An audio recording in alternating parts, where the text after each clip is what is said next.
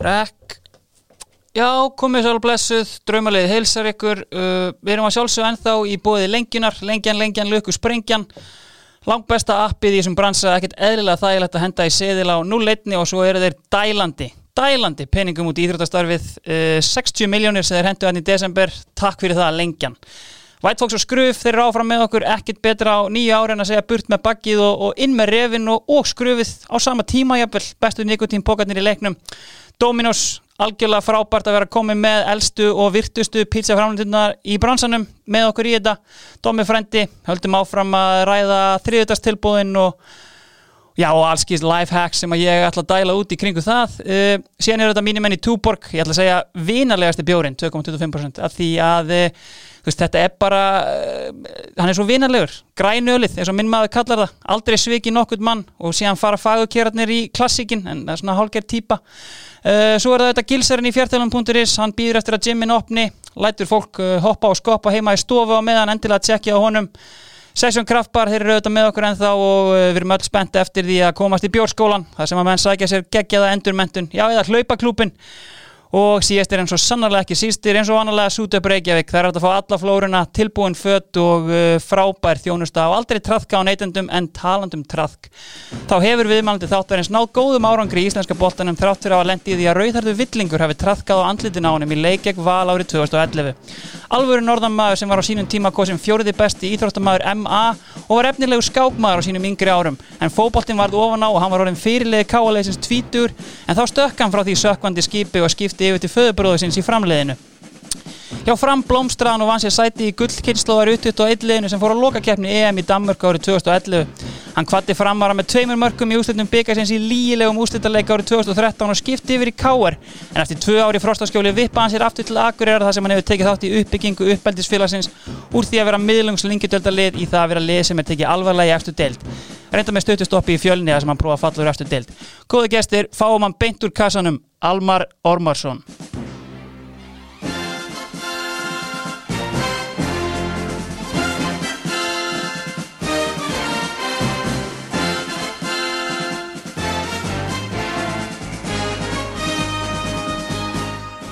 Blessar Almar.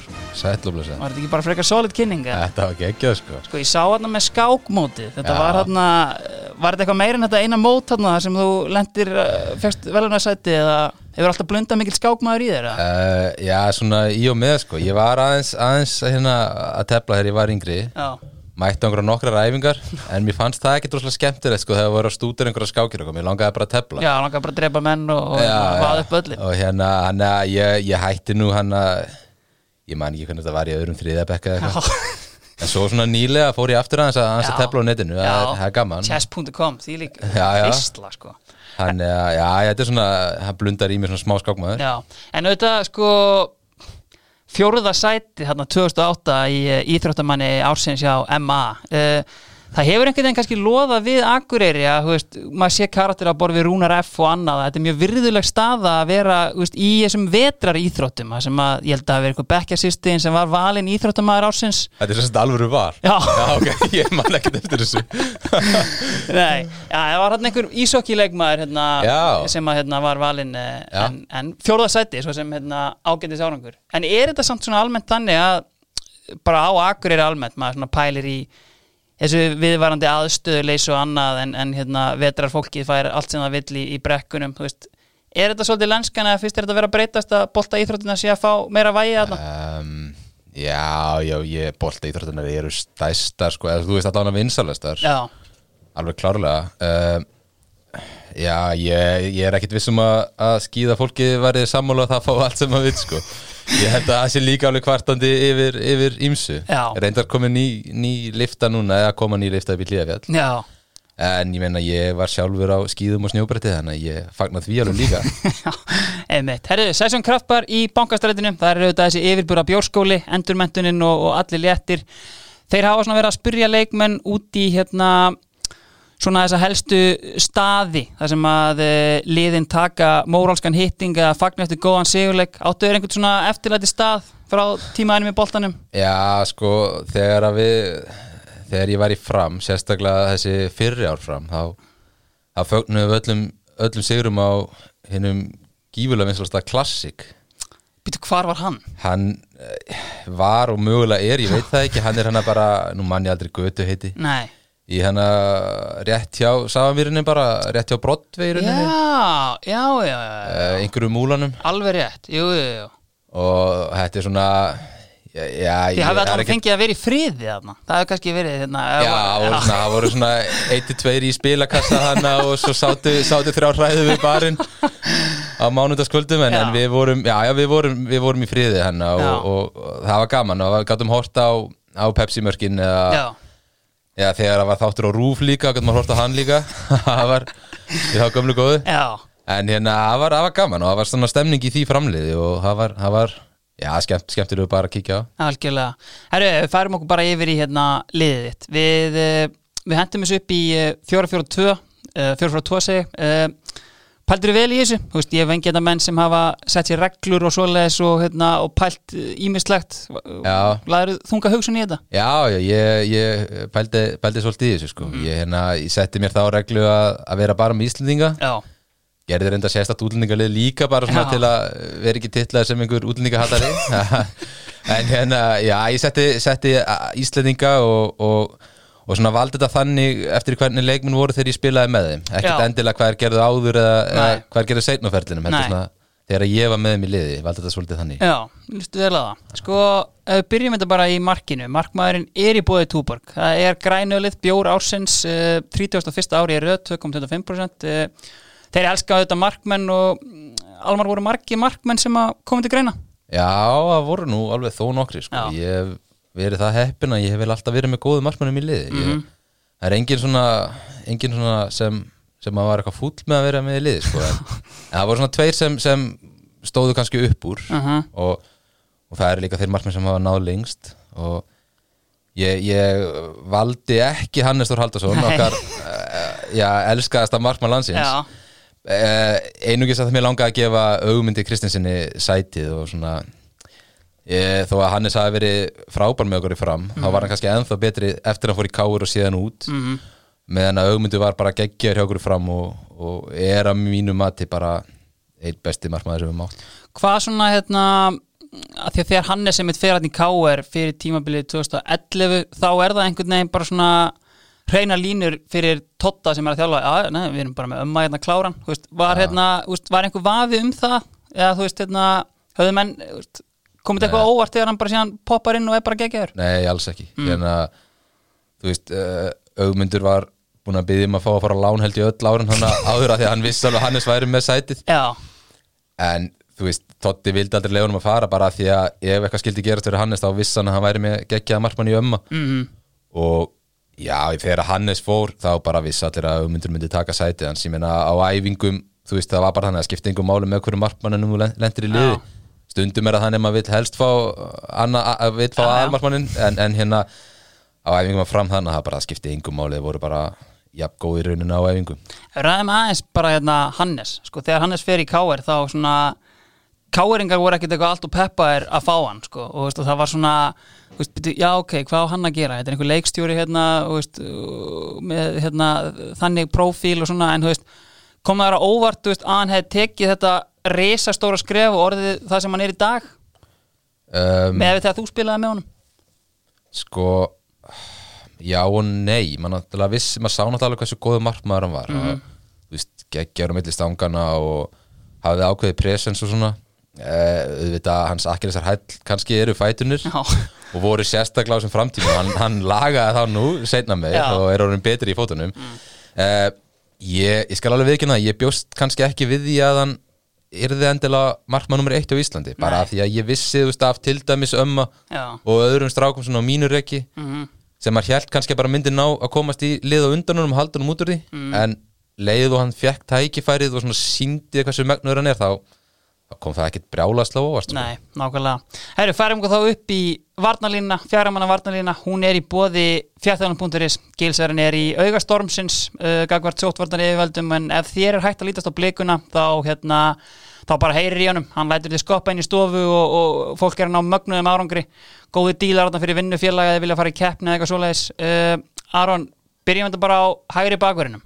Almar, Hvað saði ég? Aron, Aron? Já, Já, ég var að tala hérna með Aron í gæð.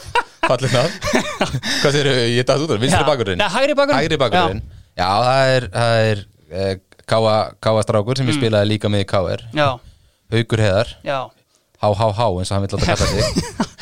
Sko, fyrir mér, hérna ég er gammal hauki. Ég man ekki, ég er mögulega að tekja þess að ræða hérna einhvern tíðan áður í þessum þáttum, en svona, veist ég spilaði við hauki í yngri flokkunum og veist, örgulega bara svona einn besti leikmaður sem ég mætti og svona, mér fannst bara svona 100% að hérna, veist, þetta er leikmaður bara sem í dag þrítugur ætti að vera bara í topp 6, 7, 8 deildi í heiminum. En bara svona ótrúlega sorglegt bara svona hvernig hefur spilast úr þessu fyrir hann með meðslu og annað. Já, bara mjög leðilegt sko. hann er, þú veist eh, talandi um landslið, maður er einhvern veginn bjóst við því að Haukur myndi bara eigna sér hægri bakurastöðuna Nákvæmlega, af því hann er sko orðin hægri bakkur bara, þú veist, í fjórðaflokki og alltaf talað um að menn finni leiðina út í gegnum bakkurinn en ég menna hann var búin að æfa þetta bara frá því að hann var krakki sko. Já, já, og, og svona þú veist, þegar ég hana 2008 tímabili hjá Káa þegar Dín, Dín Martin er að þjálfa okkur Mm. þá, þá bara veist, Dínu náttúrulega sjálfur að spila á hægri kanti Já. og, og öskrar á haug allan tíma lætur hann hlaupa upp og niður og haugu var bara geggjaður í því. Já, og minna fer til dæla ungur til KR og, og vinnur sér strax inn sæti þar. Mm, veist, fer út og maður hugsaði á veist, þetta, þetta gæti orðið bakverðun okkar. Mm því miður hefur nýjað honum verið honum til trafala genum, genum árin. Já. Það er eins og sér að það er, sorglegt en, en svona er fótballistundum Hvernig samt svona, þú veist maður horfir á hann spila svona í dag veist, þegar hann hérna, veist, næra að koma sér inn á völlin og veist, og sérstaklega bara svona að æfa með honum. Er ekki bara sárt einhvern veginn fyrir bara manns eigin líka að horfa á hvernig hann beitir sér og hleypur og annað? Uh, ég reynir bara að gera sem minnst að þið en að jó, jó, ég minna að það er maður sér það alveg á honum að, Já. nýja er ekki lægi og hérna en þú veist ég, svo lengi sem hann vil reyna á þetta og, og, og vill halda áfram og veist, þá bara leifa honum það og hérna hann verður sjálfur svolítið stjórna ferðinni hann það er aðrir í kring sem kvartaði með meira heldur en hann sjálfur, hann er ekkit mikið kvart yfir þessu hann er Nei. bara þú veist, vonandi næra hann áriða tveimur í viðbúta sem hann næra að spila eitthvað Mhm. en, en, en ég minna, ef ekki þá bara það verður bara þannig Algjörlega. Það er eitt sem að kannski er hérna líka í þessu sko, er að hérna, í þessu káaliði hérna, sem ég var að mæta. Veist, þar var samt sko, veist, þar var fókusin á uh, ljósarða undrið Andra Fannar Stefánsson já, sem er náttúrulega í káa í dag og hérna, hann var hérna eitthvað Wonder Kitty, hérna, fútbolmanager og annað, svona, þú veist sást þú hann hérna sem krakka og þú veist, mikið potential í honum? já, já, Andri var, Andri var góður og þessi 91 árgangur var, var nokkuð öflugur, Mhm. ég heldur að það verið Íslandsmeistarar í annarkvært þriðja, fjórðaflögin Já, uh, og, og Andri var svona kannski sá sem sem stóð svolítið upp úr í þeim árgangi. Mhm, um, já, já, ég meina Andri er, Andri er góður í fótbolta og, og þú veist sem ég fannst alltaf vanta svolítið upp á svona smá hugrekki að þú veist, henda sér í teklingar og, og vera svona að láta finna fyrir sér sko, hann svona en hérna en þú veist Andri líka bara fókusaði mikið á þjálfun eftir hann fór í val og, já, og er einn af okkar efnirustu þjálfurum allt það sko. Það er En 100%. já, já, bara þú veist, góður leikmaður sem sem náði kannski ekki alveg á langt og, og menn hefði vilja, Mhm. vilja Ef við förum bara í fyrstu árin þínanna hjá Káa uh, Þetta eru fyrstu leikirnir 2005 eða ekki? Jó, þá í lók 2005 kem ég inn á mínum fyrstu leikjum. Já, uh, fyrsti leikur á móti blikum held ég á Kópavásvelli The Invincibles uh, sem fóru hérna tablusir í gegnum fyrstu deildina. Já, akkurat. Já, uh, og svo kom ég inn á í síðasta leik það var næst síðasta leiku tímubilsins Já. og ég kom síðan inn á í síðasta leiknum á móti haugum þar sem við hefðum þurft að vinna 10-0 eða eitthvað til að komast upp úr deildinni og treysta á önnur úrslit Já. og hérna og þjálfarinn okkar stilti upp í held ég sko leikir við 1-8 hann ætlaði að skora svo mörg mörg og hérna já ég, það sumar var svona veist, eftir og higgin alltaf fáralegt en, en það sumar var ég rosalega óþólumóður já. Ætlaði mér að komast, komast í lið og fekk ekki tækifæri fyrir hann að ég mitt í næst síðust umferð. Hver var að þjálfa þarna? uh, sko, Totti var með okkur fyrir hlutan og, og hann ætlaði að taka mig með í eitthvað byggarverkefni mhm, þar sem ég átti að fá að spila en þá meittist ég bara akkurat á æfinguna undan eða eitthvað. Mm, svo hætti Totti með okkur. Uh, hann var að fara í aðgerð með dóttur sinni. Mhm og þá tók við uh, Guðmundur nú mann ég ekki nafn ég vissi að vinna heimöðin uh, Grindvíkingur uh, og hérna og hann bara, hann eða breytti liðinu ekki það sem eftir var tímabil sko. Nei, hann bara svona spilaði svolítið á, á sínu mönnum og ég komst ekki einu sinni í hóp sem þú veist, er skiljanlegt, ég var 17 ára Já. ég átti ekki, þú veist, það er bara fáralegt að maður hugsa tilbaka, Já. einhver 17 ára gutti sé brjálar hann kemst ekki í hóp en hérna en ég, það var- smá erfitt svona einhvern veginn að Já. man, manni fannst maður eiga skilið, líka að því að Totti hefði alltaf að koma manni, að setja manni í hóp og svona, en, en, en svo já, svo hætti hann nú eftir tímambilið og, og Mílo tók við. Já, einmitt.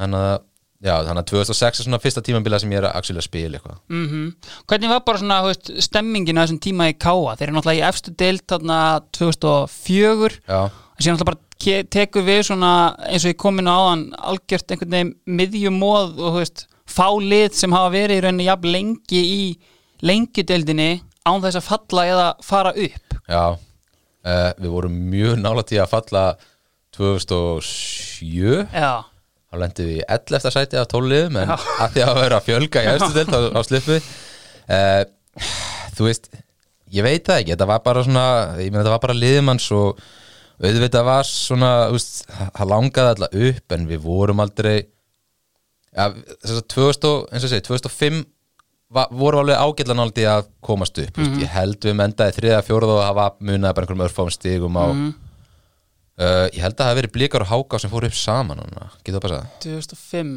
Það er sennilega Eða- blíkar og Æ, það Mögulega skiptir- Víkingur. Víkingur, jú, sennilega Já, Víkingur já, já. já, við þurftum örgulega að treysta á tap hjá Víkingum eða Já. eitthvað en hérna, þú veist, við vorum ekki þið þar. Mhm. ég man nú ekkert hvar við enduðum 2006 2007 fyrir við niður. Nei, fyrir við ekki niður en hefðum átt að fara niður. Já, það var hræðilegt sumar. Uh, og svo 2008 er Dino tók við veist, þá virtist svona uppgangur og það komu svona sveiplur alltaf hjá Káman þegar það fylgdist með þegar maður fór suður. Já, en þú veist, já, ég hafa ekkert gerð alveg aðlaga þessu fyrir rauninni já, kannski árið áður en við fórum upp. Já, emmitt en hérna, en þú veist, þetta var bara liðmann sem maður var að fá að spila meistarhóksbolta og, og veist, með vinum sínum hann og ég meina, það var alveg gaman en, en auðvitað hefði maður viljað árangur væri betri Já, Klárlega. en þá einmitt bara kemur hérna að því að eh, á miðju tímabili þegar fyrirliðin bara stekkur frá skipinu 2008 og fer í fram hvað var svona, þú veist, aðdraðandinn hjá þér að, hérna, að fara þarna í þú ferði júliklukkanum með það ekki Jú. 2008 Jú, uh, sko það var svo sem hann láfið að ég væri að fara suður. Ég var Já. skráður í háskóla búin að klára, klára mentaskólan þannig ég ætlaði alltaf suður um, um haustið eða eftir tímabil. Mm. og svona öllum líkindum að finna mig það bara leið fyrir sunnan. Uh, á svona miður tímabili þá vorum við í ágæti sparatum með að fara upp mm. og þá hafa framarar samband við Káa og Káa minn taka mig á fund og, og segja mér að hérna framarar hafi sínt, sínt mér áhuga en þeir er ekkit endilega til ég láta lefa mér að fara og ég sagði bara nei þá því að við vorum eins og segja í baróttu svo held ég að við höfum tapað tveimur leikjum í röðu eða eitthvað og duttum mér bara úr baróttunni þá er ég afturkallar á fund og þá er svolítið annað, annað hljóðið í þeim.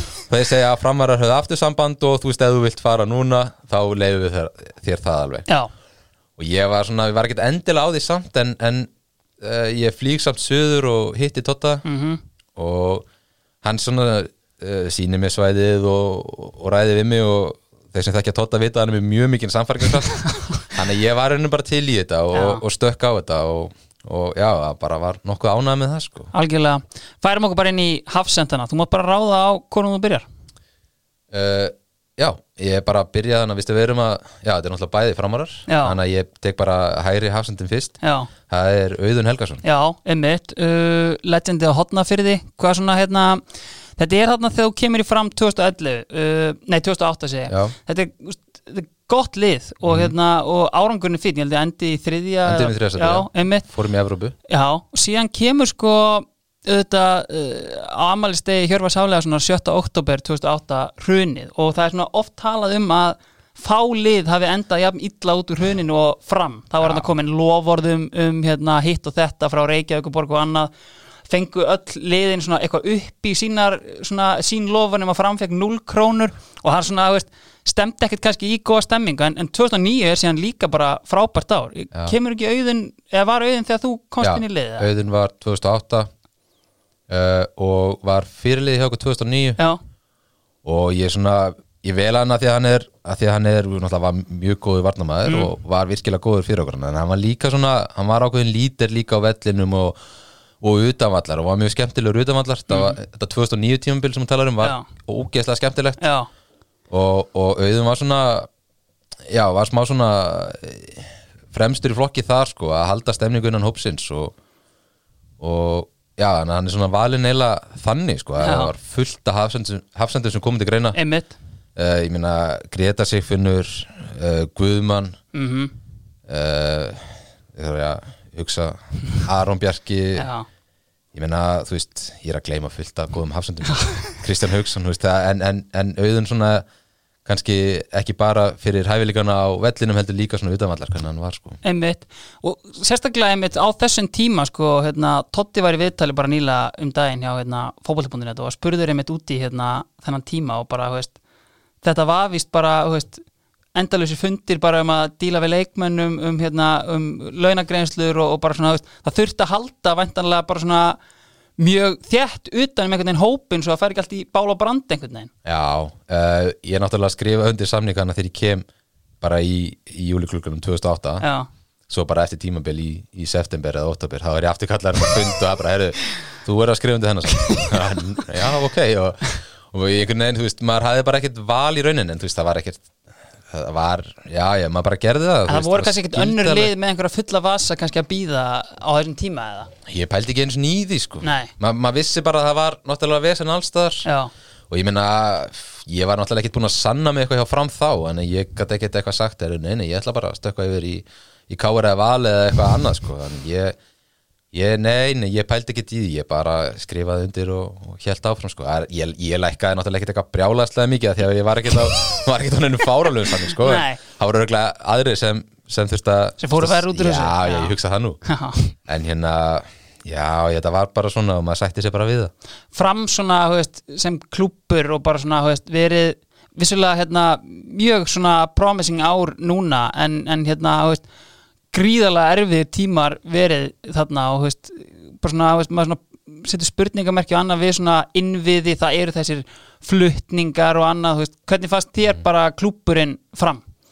Um, og spila til dæmis á laugadalsvellinum og, og svoleiðis? Já, uh, mér leiði vel hana og mér fannst geggja að spila á lögutarsvelli Já. bara, af því að geggjaði völlur. Það er náttúrulega, þú veist, það var alveg skrítið að vera með einhverja 200 framara í, þú veist, tíusmanna stúku. Já, en hérna, en þú veist, ég náttúrulega var vanur í að norðana að æfa ekki á sama staðu og ég spila já, um við æfðum, þá æfðum við alltaf bara upp í káasvæði og spilum við rakröfelli mm, uh, það er enda breytt í dag oft en, en mér fannst það ekkit, ekkit mál sko að æfa í Sáamýrun og spila lögðarsvelli mm, og fúst, besti grasvöllur landsins yfirleitt. Já, þannig að ég var ekkit að svekja mig eitthvað of mikið á þessu á stúkunni eða því.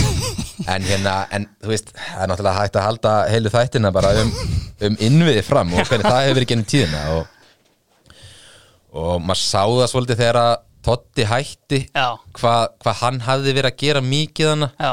hvað hann held þessu mikið saman enda þú veist, þú sér það að það hætt, við hættum einhverjur 8-9 leikmenn eða eitthvað eftir tímabilið. Já, og það hefði ekkert með þjálfarinn að gera sem þú veist tóku við, heldur bara miklu meira svona einmitt, það var svolítið svona veist, oft verið að skipta um stjórn og ýmsir trúðar sem komuð hana, náttúrulega margir, margir góðir, sko, Já. ég ætla ekki að taka það af þeim og, Nei. og hérna, en það voru líka inn á milli bara gæja sem skemmtu fyrir og, já, og mér svona, ég er nú með ágætið stengsl inn í, inn í fram núna og mér sýnist þetta að vera tölvör betra núna og betur haldið utan um þetta. En það er með svona félag eins og fram sem er náttúrulega svona sögugrófi félag, það er mikið að gömlum framurum og, og margir sem halda er viti betur. Já, og eins og Totti sagði einhvern veginn, hann eru, hann eru menn með, með dýrbindi og hérna það er, þú veist það er bara menn, það halda allir að þeir viti betur en næsti maður. Og margir sem hafa eitt peningum sem er ekki til og bara á veist, endanum einhvern veginn sprakk þetta hann að 2013-14 já, einmitt, nákvæmlega. Herru, hver er með auðin í hafsendinum? Eh, það var hann var eiginlega bara sjálfvalin í þetta lið Jón Guðni Fjólusson Sko, hann kemur hérna upp í rauninni á Íslandi sem svona einn af fyrstu svona, ég myndi segja svona New Age hafsendum, bara í Já. því að hann er bara svona, veist fyrsta lag er hann náttúrulega bara með allan skrokk í bara að vera geggjaður hafsend en sérna líka bara góður á boltan örfættur Já. og bara svona mér finnst eiginlega bara svona magnað að hann hafi ekki náð að svona establisa sig meira heldur en svona skandinaviska boltan Já, já, já, ég er alveg smá samanlega Það er svona líka gæja sem maður vonaðist til að myndi bara festa sig í landsliðinu. Einmitt. En auðvitað erfitt að koma, komast inn í þetta landslið sem var með, með þessa hafsenda sko. uh, Já, ég minna Jóngvinni geggja fótballtamaður með, með geggja löp og, og hérna þú veist, hann kom þannig að ef mitt 2009 tímabilið þá kemur hann bara inn í lið og, og vinnur sér inn sæti í liðinu kemur Eh, uh, sterkulegi hrunamanna. Já, já, Já. var reynda búin að vera í fram í einhver tíma held í yngri flokkum. Uh, Við spiliðum Evrópuleiki út í Tjekklandi þar sem auðun var í banni og hann að Jóngunni bara fekk byrjunleysætið Mhm. og hann skoraði í leiknum já, og var geggjaður og þú veist, þá, eftir það var það bara ekki spurning að hann væri, væri maðurinn í, í þetta hlutverk sko. algjörlega ef við förum þá bara aðeins út í Jóngunni þetta hérna, er hérna, var í þessu hérna, gullkynnslóða liði og byrjaði alla leikin hérna í, uh, á lokamótinu á EM sko ég myndi segja að þú ert kannski svona meira hluti af því sem ég hef verið að kalla týnda gullkynnslóðin sem eru sagt, þessi leikmenn sem voru viðlóðandi en hérna og, og hérna, ég ætla ekki að svekja þennan en sagt, í þessum hópi á hérna EM 2011, það er einu útileikmann sem á ekki landsleik til dæmis í Já, dag já. svona, þú veist og kannski bara svona draumar um atvinnumennsku og annað, var það einhvern tíman hjá þér eða, þú veist, lítur þú svona tilbaka sko er hann hóp bara, þú veist goddammit Já, já, ég menna það kemur alveg fyrir uh, Ég er ekkit, ég er ekkit hérna brjálaslæsvektur, ég, Nei. ég sef alveg á nóttunum sko. en hérna auðvitað ætla eins og allir fótboltamenn þessum árum þeir ætla sér í atvinnumennsku Mhm. og ég hugsa sko svona ef ég lítið tilbaka, ef ég hefði tekið stökkið eftir tímabil 2009 Já, þá hefði ég örgulega getað hoppað á eitthvað var það í bóðið eða? ég eiginlega bara reyndi ekki leti ekki að reyna á það Nei. af því að ég ætlaði bara að taka annað tímabil hér, halda áfram í háskólanum. Mhm. ég ætlaði að reyna að klára háskólan áður en ég færi út. Þannig að ég bara svona eftir þetta 2009 tímabil voru líka margir aðrir í mínu margangi að fara út. Og, og hérna og vorum allir með sama umbóðsmannin hann að brjála að gera í honum. En þú veist, og ég segi, ég, svona, þú veist, ég, ég sagði strax bara, ég, langar ekki að fara í næst efstu deild í Noregi, Svíþjóð eða eitthvað. Ég vil freka fara þá bara í efstu deild einhvers staðar. Uh, og ætlaði bara að velja rétt á kostin og, og mér gekk mjög vel 2009 en eins og segja, ég ætlaði að halda áfram og, og skoða þetta þá kannski eftir 2010 já, vel 2011 tímabili, ég var ekkert stressar svo Nei. var ég bara ekki nógu góður bæðið 2010 og, og sérstaklega ekki 2011 þannig að þetta var svona uh, rannaði svo í sandinn þar. Mhm. svo hefur svona nokkur sem síðar komið svona áhugi og maður hefur skoðað það en það er bara einhvern veginn aldrei aldrei hitt á, hist á rétti tímapunkturinn hvorki á mér nýja liðunum en, en hérna svo bara var þetta svona þú veist ég, svo bara gerðist þetta aldrei einhvern veginn. Nei. og þú veist ég er ekkert að svekja, svekja mig það mikið á því í dag. Nei. bara þú veist allt í lagi, ég meina ég hef spilað hjá þeim liðin sem ég verið hjá, hef ég spilað nánast alla leiki og fullt að leikjum hér í efstu deild og og mögulega hefði ég farið út og setja á bekknum í þrjú, fjögur ár og komið svo heim með skottamöldi lappana og bara verið hundsvættu með það. Þannig að ég lít, kýst bara að líta á björtuliðan þar í Já, ég er sammála því. Sko, það sem gleymist kannski er að veist, þessi gæjar sem síðan spila á lokamótinu voru ekkert með í öllum þessum hérna, allri undankeppninni ég meina, ég held að Aron spili eitt leik uh, og ég þú ert að spila sex af átta leikjumann fyrirlega móti Norður Írum Já. og hérna, veist, síðan kemur að lokamótinu, veist, var eitthvað svona svekkjandi að bara vera limtur við treverkið allan tíman Já, en ég skildi það alveg Já. að, Þú veist, ég var svo fegin að vera valin í lokahópin það var bara þess að ég segi þetta, 2011 tíðanbíl var bara hræðilegt eiginlega. Mm. og mér leið, leið ríkala því að ég vissi að valið var undir hana og mér gekk ekki nógu vel og þá var þetta einhver svona vítarhingur að maður fór að hóa að fugsa hlutina og þá var maður ennþá lilir í næsta leik einhvern veginn. Svo þegar ég var valinn þá var svo þungu fargað með létt að, að ég, þú veist, ég netti ekki einu svona svekja með það mikið að ég hef ekki spilað mínútu úti. Það var kannski það var kannski leikurinn á móti uh, var ekki kvítarósar Jú, uh, fyrsti leikurinn. já, sem, sem við Töpum töpuðum. Mm, þar hugsaði, þú veist, mögulega gæta nú nota mig hérna við- því við þurfum að skora marka og eitthvað. En, en þú veist uh, æ, nei, nei, ég var ekkert að svekja mig of mikið að Nei. þessu, ég var bara ánæður að vera þann út Já, sem að var einmitt sko, þú veist, að því að allir og hérna, frændir þeirra höfðu náttúrulega skoðun á þessu hérna og, og þjóðin svona, þú veist var ekkert hérna, öll á því að Almar Ormars ætti endil Nei, að fara til Danmarkan, var það eitthvað sérstætt eða var þið bara skýt sama því þú varst að fara? Um, nei, það tók á. Það Já. var svona fyrsta skipti uh, Twitter var alltaf tildulega nýtt fyrir Já, bærið einmitt. hana Allavega á Íslandi. Það var, það var sko, veist, þarna var Twitter svona að byrja og Já. það var engöngu notað fyrir tala um fótbolta góða Já. fólki var búið að halda sig alveg fjarrir hérna Já, og þar töluðu menn reyna íslensku um hérna, íslenska knattbyrnu og hérna, ég ætla ekki að lesa upp hérna í mis tweet sko, en, en veist, þetta var alveg hérna menn voru bara í sjokki sko, á sama tíma til dæmis hérna, Kitty er náttúrulega Já. skilin eftir og það var kannski svona helsta hérna, og Aron Jó til dæmis líka fyrir ekki en Aron, hérna Aron Jó var nú samt ekki búin að vera neitt mikið í kringum okkur auðvandar rétt. Nei, hann var náttúrulega ekkert í kringu lið Nei, þarna var, Kitty Steindas var búin að vera eitthvað Já. í einhverjum ferðum með já, okkur. En það sem náttúrulega gleymist er náttúrulega að við hefum ekkert farið á þetta mót ef við hefum ekki fengið bylmingin frá Almari hann á lögutarsveldunum Já, já, Já.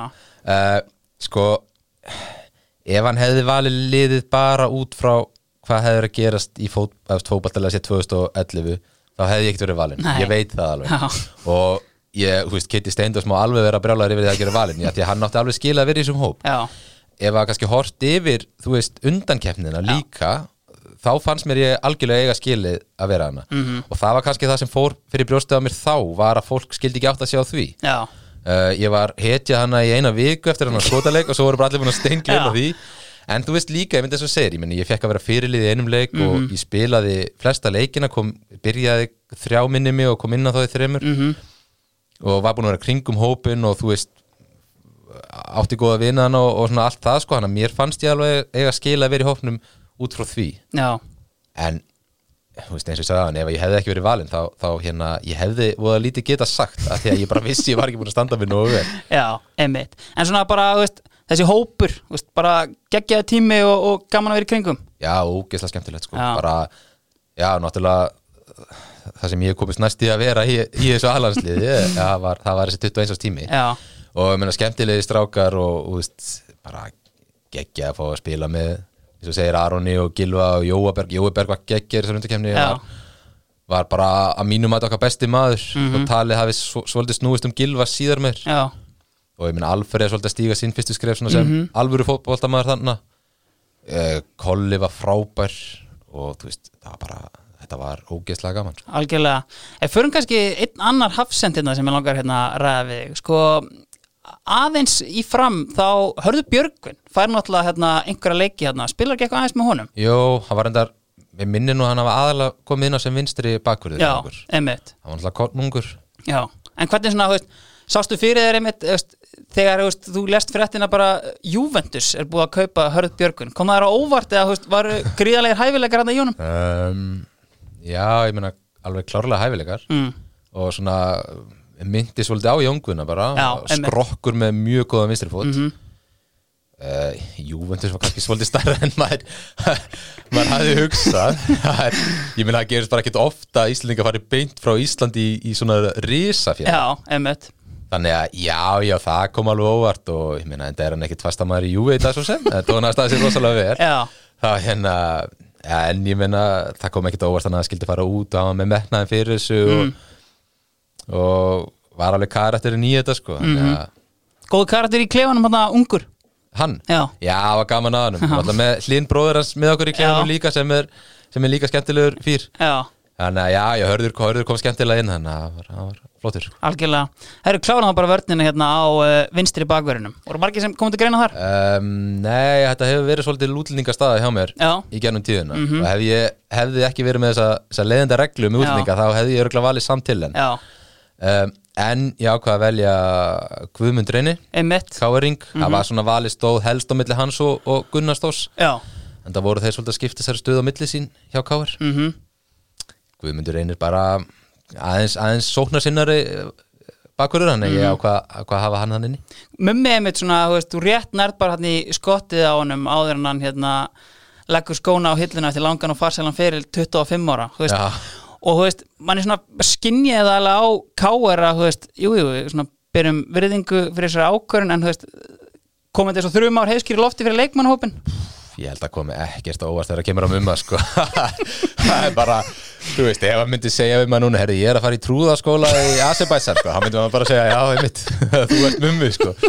Hann bara, hann gerir bara svolítið það sem hann dettur í hug og, og er svolítið þannig hann, hann getur bara fókusur hlut í einu. Já, uh, hann er náttúrulega eins og, eins og alþjóð veit, þá er hann okkar, einn okkar fremstu píjónó snillingum, já, já. Var í starffræðilandsliðinu Harvard. Uh, ha, já, Harvard. einmitt fór í Harvard líka búin að fara til atvinnumennsku. Já, uh, hann, þú veist ég meina, mér, gerir bara sem mér langar að gera og, og hann var hann að hann var hann að byrjaður í byrjaður hjá, hvort það var hjá Seðlabankanum eða einhverjum öðrum bank Arion banka. Arion banka, já. Og það átti það bara hug hans allan að- vera í Arion banka og þá hafði hann enga tíma til að æfa sko og svo, svo hætti hann í fótbolta til að fara í Arjón banka og svo hætti hann í Arjón banka til að fara í Viking Ólasvík og svo hætti hann í Viking Ólasvík til að fara að spila á, á einhverjum bar á kvöldin og þú veist, mjög mikið ekki aður og það er, það er ógeðslega gaman að hann en, en ég er ekkert sem það var komið óvart endilega þá að menn hafi verið svektir sko. Algjörlega. Sko þú ferð til KR fyrir tímabilið hérna 2014. KR eru Íslandsmeistari þegar þú kemur hérna. Uh, var þetta stórt skref að taka úr fram, ég veist menn oft tala um það bara eitthvað að koma í KR er einhver svona eye-opener bara á svona professionalisma og, og annað, var þetta, veist, eða bara veist, Um, mjög basic? mm, veit það ekki alveg þetta var, mm, mér, fann, mér fannst það ekkert verið eitthvað risastórt skref en, en það var alveg klárlega munur að vera í káir og fram Já, og þú veist, maður sá strax að leikmanna hópurinn var svona metnaðafyllri og, og það var meira að geta lagt einhvern veginn Mhm. heldur en kannski hjá fram. Mm uh, Kritik Kernest þetta á þetta hérna iconic línu með fullri vinningu fyrir fram þá eru þeir ekki KR Já, já. Það peita naða sér að sem segja En hérna Já, já, ég meina KR er KR er alveg stærra félag í, í dag og var þá og, En hérna Ég leiti ekkert á það sem eitthvað risastökk Þetta var svona búið að vera Ég var næstu farin í KR einmitt fyrir, fyrir tímumbil 2013 mm. -hmm. Komum aftur á sannfæringarkrafti Totta Hann, hann, hún tókst að sannfæra mig um að taka ári viðbót í Safamýrinni Mhm. og hann er að þú veist þetta var búið að vera svona lengi undirbúningu fyrir þessu lengi Mhm. Og ég reyndi að tala alveg nokkur annum félög þegar ég fór en, en ég menna káur voru Íslandsmeistarar og þegar Íslandsmeistarar vilja fá þig þá bara ferðu, ferðu Mhm. þangað sko Rúna Kristins er að þjálfa þarna fyrir að tímabilið bara hann vel söguna bara sem þjálfara og, og kalli já, já, já, mjög flottir, ég kann mjög vel við Rúnar og, og við, þú veist ég finnst alltaf gaman að tala við Rúnar Já. og mjög góðu þjálfari og hérna það gekk ekkert æðislega vel hjá mér framan af en svo fannst mér við Rúnar vera að og hann meira átt að segja hvernig leikmaður ég var. Mm fyrst var ég mjög mikið út á kantinum Einmitt. og var ekki að finna mig. Svo byrjaði að spila í hólunni og, og þá gekk mér bara mun betur. -hmm. og var svona, kannski ekki á orðin algjör fastamæður en byrjaði að byrja uh, fleiri leiki og, Já, mikilværi leiki kannski. Já, mm einmitt fekk, fekk að byrja byggarústöðuleikin Mhm. og, og hérna já og þú veist þannig ég hugsaði svona ok, næsta tímabil verður held ég að verði betra þannig núna þekkist við rúna bara betur Mhm. og komum betur inn í þetta en þá ákvað hann að flýja land. Já, og hérna við, þá kom þessi fræga lína að skitta og Já. við fengum Bjarna og, og hérna og Bjarni var flottur allt það en, en bara það var, var ekki ploss fyrir mig sérstaklega framan á í liðinu. Mm Hvernig svona bara úst, lítur þú tilbaka á þessi tvö ár hjá KR eitthvað sem það hefði viljað gera öðru í sig að, um, ég veit það ekki alveg um, nei, nei, raunin ekki sko. Ég hérna eins og hjá Bjarna þá var ég allt undirbúinustíðumbilið að að spila bara á miðri miðu hann bara notaði með sem miðjumann við hliðina á Jónas Iguðuna mm Pálmi fyrir framann okkur. Svo bara kortir í mót þá fáum við fáum við mjög góðan danska leikmann Já. Jakob Sjúp -hmm. og hann er tekur bara stöðuna af mér. Hann fæ, færi Pálma niður og, og Jakob fyrir framann og hérna eftir það fekk ég held ég ekki mínútu á miðunni og það, mér fannst það kannski pínu svekkjandi sko, af því að þegar ég fór sinna að koma inn þá var það bara aftur á hæri kantinum Já, sem hafði ekkert verið mín staða þá í dagáðan tíma.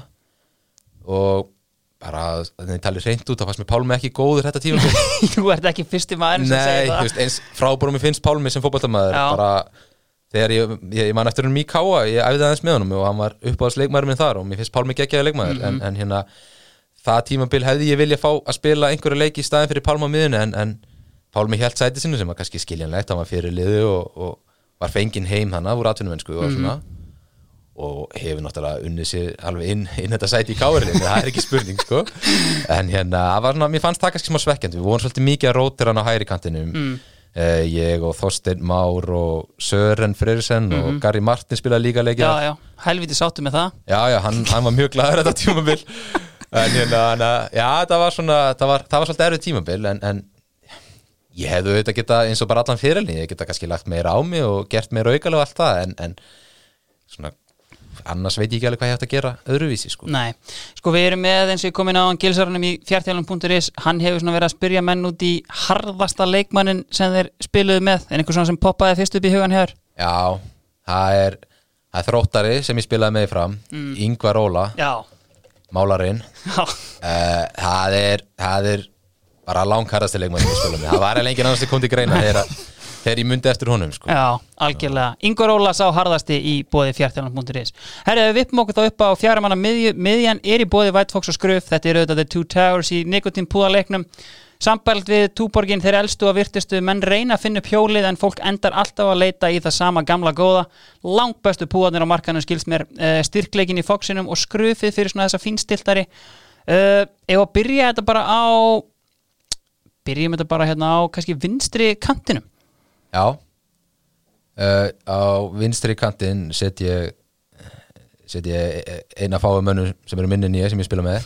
Það er Hallgrímur Mar Stengrisson Já, emitt uh, liðsfélag minni hjá Káa mm, og bara uh, já, hann var svona nokkuð, nokkuð sjálfvalin í þetta Já. í þessa stöðu. Er þetta svona, þú veist oft pæling með Hallgrím svona, þú veist uh, gæti þetta ekki farið aðeins lengra þú veist, bara svona með við hæfileikana sem hann er með þú veist, mm. hann fer hann í Viking til dæmis þegar er uppgangur í Viking en þú veist, fer sér hann aftur í feysadeildina til Já. þú veist, bara þægilegur heima á Akureyri? Eða heima, hann er alltaf frá Húsavík. Hann er frá Húsavík en er svona, ég hugsa Akureyri sem orðið hans annað heimili. Já, Uh, já, já, ég finna það, þú veist, það lýsi kannski gríms, gríms ágætlega og hann, hann vill hafa þetta bara svona smá þægild í kringu sig og þú veist, sumir eru bara þannig og hann hérna það er allt í góðu, hann er náttúrulega með, með uh, mjög mikla hæfileika, mm. fótboltamaður, góðum um boltan það eru ímsir það eru ímsir vankantar ánum líka sem ég er ofta að reyna böndunum á en hérna, hann hefur lagað þá hann lagað þá í gennum tíðin hann byrjar að verjast meira og spila boltanum stundum fyrir frá sér Já. en hérna Jó, ég minna Grímsi hefði, hann er einn af þeim sem, sem hefði alveg getað ná lengra með kannski örliti meiri metnaði eða, og eða hefni mm en þú veist bara frábær, frábær fótballtamaður algjörlega. Sko heimkoman 2016 uh, þannig ertu búin að klára tvö tímabil með KR uh, og KR hingir Þú samfærið strax þegar þeir bjölluðu í þig? Um, Bæði náttúrulega bara að fara fluttir í norður eða? Nei, ég hef alltaf bara farið svona með aðra annan fótinn uh, af því að kærasta mín hefur alltaf verið að spila hérna í, Já, já. í borginni. Um, Nei, sko, þetta tók nú alveg smá tíma að samfæra mig. Mm. um, Í fyrsta lagi var ég ekkit 100% viss um að ég vildi fara frá Káir það var alveg stóð alveg til að ég var áttu náttúrulega ára eftir að samning og, og það var alveg svona, mann langaði alveg aðeins að, að, að sína sig og sanna þar. Mhm, svo voru, voru nokkur önnur félag á Íslandi sem voru líka að spyrjast fyrir um mig. Mhm.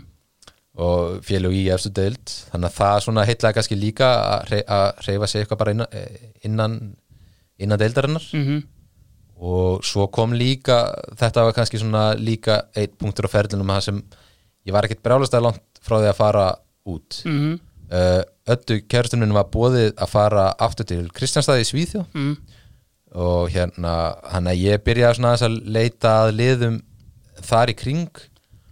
Og það var alveg svona smá áhugi. Það var náttúrulega alltaf vesen um að ég var samningsbundin KR og þeir Já. vildi ekki lega mér fara frítt skiljanlega. Þannig að það þurfti alltaf að finna einhver pening og eitthvað og svo svona það lið sem var kannski var líklegast að þeir hættu við á síðustu, eða svona, ekki síðustu stundu en þeir hættu við, við voru að leita sér að öðrum leikmanni síðan. Mm. þannig að það sem kom að lokum var, var hérna var eitt samningstilbúð frá Kristjánstafélaginu sem voru held ég í þriðju efstu deild eða fjóruðu efstu deild. Og ég held að það hafi hljómað upp á sko 100 krónur íslenskar á mánuði. En ég vilti sjálfur redda mér íbúð. Og þú veist það var ekkit meira innifalið í þessu. Og ég minna Adda var ekki að fara á einhvern risadíl til Kristjánstaf Já. hann að við hefum sennilega, sennilega þurft að vinna 12 tíma vaktir í það raukarlega til að geta að lifa hann sko. Hann að það er svolítið dó bara og svo fór ég að hugsa þetta meira og, og það varð alltaf svona meira og meira spennandi að hjálpa uppeldisfélaginu að koma sér loksins upp um deild. Algjörlega, þarna er komin svona hérna, það sem við kallum samherja með henni inn í þetta og veist, fannstu bara strax, er þetta allt öðru sem þegar ég var hérna síðast? Já, já, það var miklu meiri metnaður og, og svona miklu betur bara haldið um hlutina og þú veist það var alveg, það var bara stefna að fara upp og ekki bara fara upp heldur að, að vera uppi. -hmm. það var, þú veist, það var strax sagt sko við, veist það var bara talað um strax, við ætlum bara að vera í efri hlutarnum í, í Pepsi. -hmm.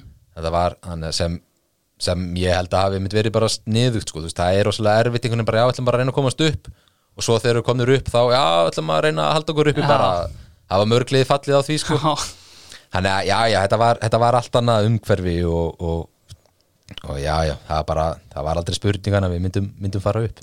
Þú er búin að vera hérna með svona þrjá þjálfara hérna í Káa, uh, Túfa, Óli Stefán og, og Addi Gretas þetta eru allt svona kannski þjálfarar sem að eru þekktir fyrir gott varnarskipulag og, hérna, og annað, en þú veist svona ef við byrjum kannski bara á Túfa þú veist, hvernig svona hérna hann er alltaf búin að vera hérna Club Legend og, og, veist, allt í öllu hérna upp á Káa svæði, veist, var hérna gott að vera með hann sem þjálfara? Já, Túfa er flottur. Já, Ég náttúrulega spilaði með Túfa þannig að þegar hann kom til Káa hann með þess að í fyrstu æfingaferðin sem kom í, hann kom hann á reynsli til, vorum í Danmörku, gistum í sumabústaðum þá vorum við saman í bústað. Svo í næstu æfingaferða eftir þá áttum við nú að gist í sama rúmi og Serbanum leist ekkert alltaf vel á það að, vera með einhverjum stráki, stráki rúmi þannig að ég færði mér bara í sófan en hérna, já, ég minni, ég er búin að þekkja Túfa lengi og hann er ein, eini maðurinn í heiminu sem kalla mig Ammi.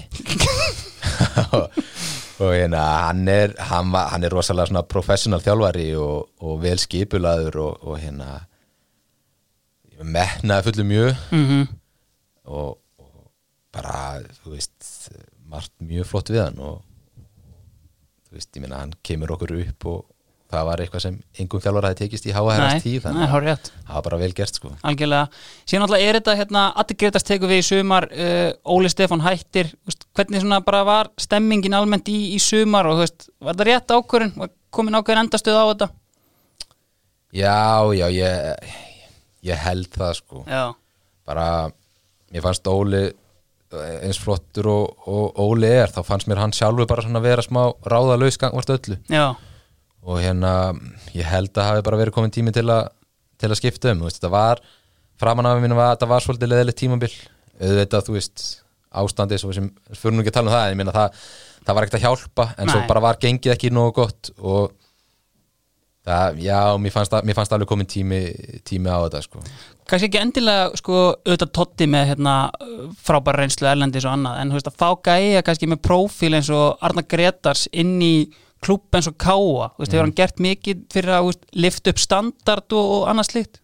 Já, og bara ég er ennþá að því sko. hann hérna, já, mér, mér fannst það. Uh, bara með fullri virðingu fyrir bæði Óla og Túfa þá náttúrulega, þú veist þekkja þeir kannski ekkit alveg þennan sama standard og, og Addi þekkir þannig að klárlega, ég meina hann, hann strax fór að pæla í aðstöðinni þú veist, hvar við gætum verið að, að taka, taka aukaæfingar fyrir og eftiræfingar og tegjur og annað og, og heng, hengir upp uh, prógrum fyrir það, einhverja magaæfingar og, og alls konar. Og svona, þú veist, er að, er að hugsa um mataræði líka og við fengum oftar einhvern svona mat eftir æfingar og, og allt það, hann að hann, hann reyndi svona að lyfta þessu aðeins upp og ég held einmitt það kannski var líka eitthvað sem félagið þurfti svolítið á, á þessum tímapunkti sko. algjörlega, herru, hver er á hinum kantinum? Já, það er það er annars mávægsen leikmaður. Ég, er- ég reyndi að halda, halda liðinu Með á svona- hæðinni. Já, ég reyndi að halda henni niðri. Það er Óskar Örn Hauksson. Já, einmitt, Óskar har alltaf verið góðu leikmaður en ég finnst kannski svona þessi skrýmsla tímabil hafa komið kannski svona eftir hann varð þrítugur meira, veist, eins og til dæmis bara þegar þú kemur hérna inn í KR 2014 auðvitað ertu meðvitaður um það að Óskar Örn er, er frábær leikmaður en þú veist, er þetta svona leikmaður sem þú þurftir að æfa með til að sjá virkilega hvað var góður eða veist, kom það kannski bara ekkert óvart eða? um, Ég er náttúrulega búin að spila þúsund sinnum á móti Óskari og hann, hann var alltaf svona einn af minnum uppáhalds leikmennum í deildinni Mm. uh, Ég var bara, já, alltaf mjög hrifin á hann og fannst gaman að horfa á hann spila og, og þú veist, þannig að ég get ekki endilega sagt að það komið óvart en, en ég minna hann var líka frábær á æfingum og, og þú veist eh, það sem kannski koma nú óvart er hversu fáralega hátt hann getur stokkið drengurinn. Ég held einmitt að það hefði bara komið upp úr 30 hjá Já, allt í einu sko. Já. Já, ég meina bara mínum að það er besti leikmaður sem er spilað þessari deild sko. Alveg klálega Annar leikmaður kannski, og komst inn á hann áðan auðvitað ekki kantmaður, en, en Jakob Sjúp það er Já. svona hérna, þú veist þetta er svona einn af þessu leikmannum sem fengi hérna til landsins og bara svona hugsa hvað í veröldinni er hann að gera hérna, þú veist, bara svona þú veist, en svona fyrri helmingurinn af þessu sísoni hjá honum er lígilegur, hann lítur eiginlega bara út eins og Messi hérna á tímabili, en veist síðan kannski, veist, fjara svolítið undan þessu, veist hvernig gæi var þetta bara? uh, flottu gæði Já, og bara já, æðislegur í fótbolta mm. alveg frábær sko.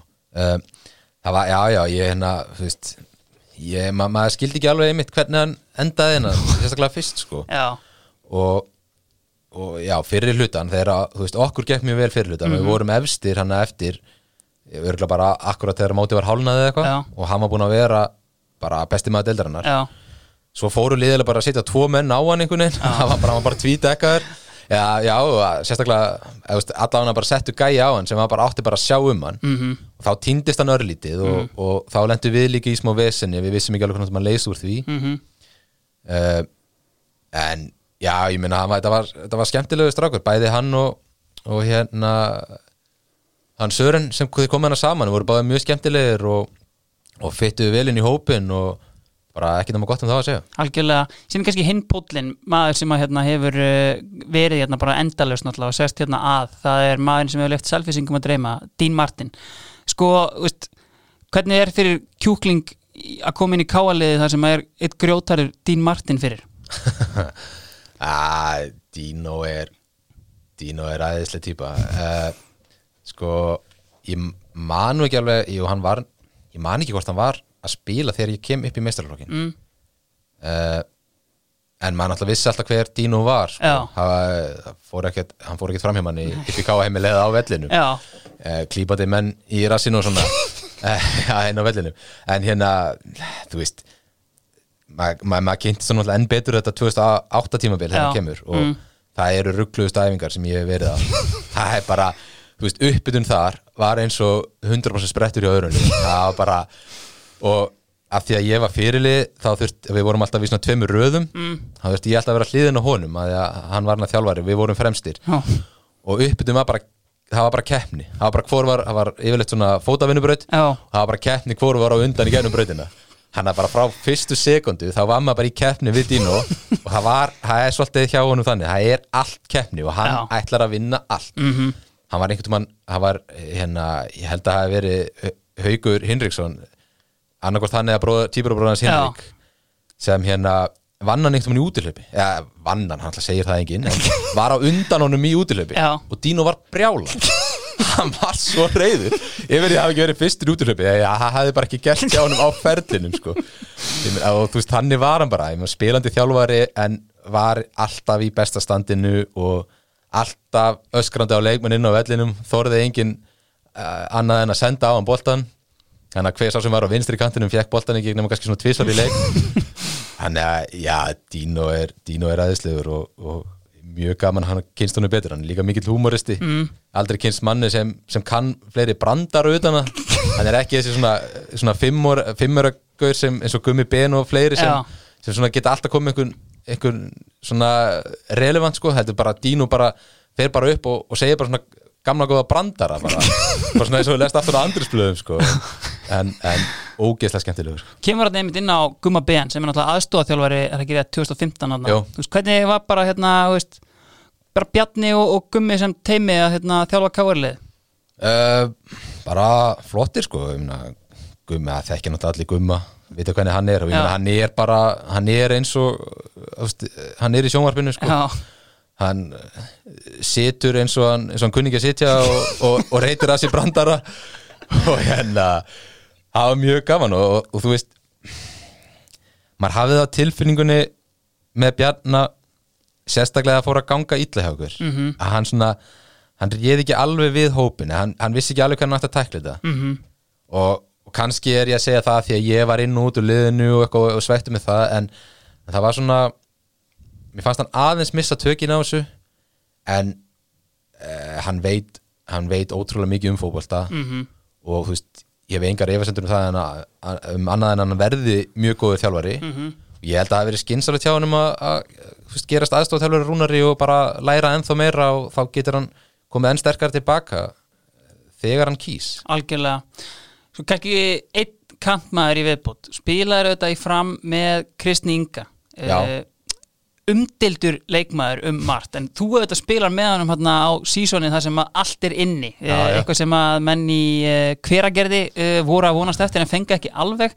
Og ég meina oft þurft að þóla kannski leiðilegt umtal en þú veist til dæmis bara að tala við leikmenn vals bara, veist, þeir segja bara veist, þú veist, stinni getur verið þarna bara á kantinum og bara ekki verið nálagt boltan með snertan en bara það að hafa hann þarna er Já. bara ótrúlegt vopn og bara hræðir varnir. Já, já, uh, klárlega uh, Stinni Þú veist, fyrst þegar maður byrjaði að með Stinna þá var maður aðeins svona að hugsa hvað hva er í gangi hérna? En svo, veist, og hann er líka bara þannig leikmaður hann bara verður að vera á ellu um hann að velli sko. já, einmitt þú, þú veist þú notar hann ekkit mikið í fimmana ja, þú veist, hann er, náttúrulega- hann er svo duglegur strákunni sko. Já. hann getur alveg varist og allt það en, hérna, en hann þarf helst svæðið til að hlaupa í -hmm.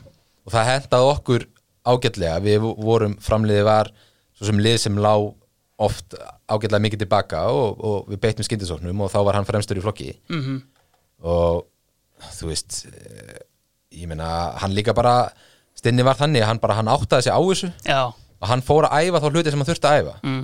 Það meina, hann, hann var mjög duglur eftir æfinga bara að æfa krossa þegar hann var á hægri kantinum bara æfði krossa bara endalust og svo fór hann að æfa sig líka því hann var alltaf að sleppa einn í já, og framanna var hann ekki að skora mikið úr þeim en þá fór hann einmitt bara að æfa sig bara fekk ömma með sér og fór bara að hlaupa einn á móti ömma. Já. og þú sérði ekkit oft fótbolta með næfa einn á einn á markmann en hann bara gerði þetta og, og æfði sig eftir æfingar og þá náttúrulega fóru hlutin að ganga betur hjá honum og, og þetta, hvað, ætlaði sig ekki 2012 tímabilið sem Já. er hann sem hann er sem hann bara einmitt allt er inn í hjá honum. Mhm. hann skoraði með þess að skallamark, ég hef aldrei séð hann hitta boltan með skalla sko. En hérna það, þú veist, það bara svona það var bara svona, hann átti þetta skili hann var búin að vinna fyrir og, og hann er náttúrulega ösku frjótur já. Ekkit endilega svo hraðist á fyrstu metrunum en um leðanu komin í gang þá það er engi sem á breyki hann sko. Nei, nákvæmlega. Herri, færum okkur þá bara hérna inn á miðjuna. Uh, hver eru þar? Já, uh, svona, svona uh, djúpi, djúpi miðumæður minn, það voru í rauninni tveir leikmenn sem komu til greina og þeir eru næstu í sami leikmæðurinn það voru annars vegar Jónas Gunni Mhm.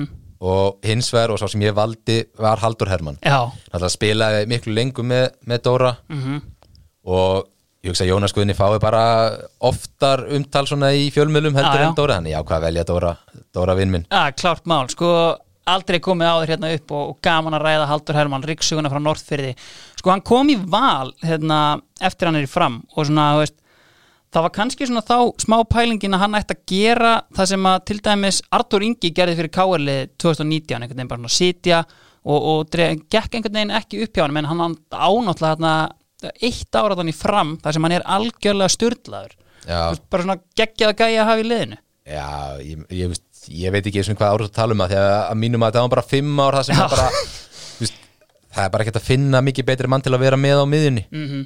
þú þú veist, ég náttúrulega var oft annarkost í hólunni eða í svona box to box Mm og maður vissi það bara að skiptingu máli þetta maður var að hlaupin í teik. Dóri var fyrir aftamann og hann, hann rettaði manni tilbaka Já, og þú veist ég meina og hann kom boltanum frá sér kannski ekki að búa til færi eða eitthvað en ég meina það var heldur ekki hans hlutverk hann Nei. var bara út um allan völl og, og, og þú veist vinnandi vinnu sem engum öðrum datt í huga að gera sko. Vinnandi vinni sem engum öðrum dætt í huga að gera, það er því algjörlega klárt mál, uh, White Fox og Skruf þeir höfðu samband við mig og refur draumaleysins hjá Almari Ormarsinni það er að sjálfsögðu uh, Halldór Hermann Herðu, uh, færum okkur þá bara í næsta miðmann, hver lokar á miðinni? Uh, það er Baldur Sigursson Já, um, já, kom ekki náttúrulega til greina. Nei. þetta er að mínum að þetta er bara eitt besti box to box miðumæður sem, já, þú veist, þetta er besti box to box miðumæður sem ég hef spilað með mm spila reynda bara eitt ár með honum. En hann bara, þú veist, ég finnst hann ég finnst hann frábær miðumæður bara svona, þú veist, ég hef oft hérna náttúrulega uh, þurft að finna ímist talking points fyrir Baldur en held alltaf áfram að ræða sama.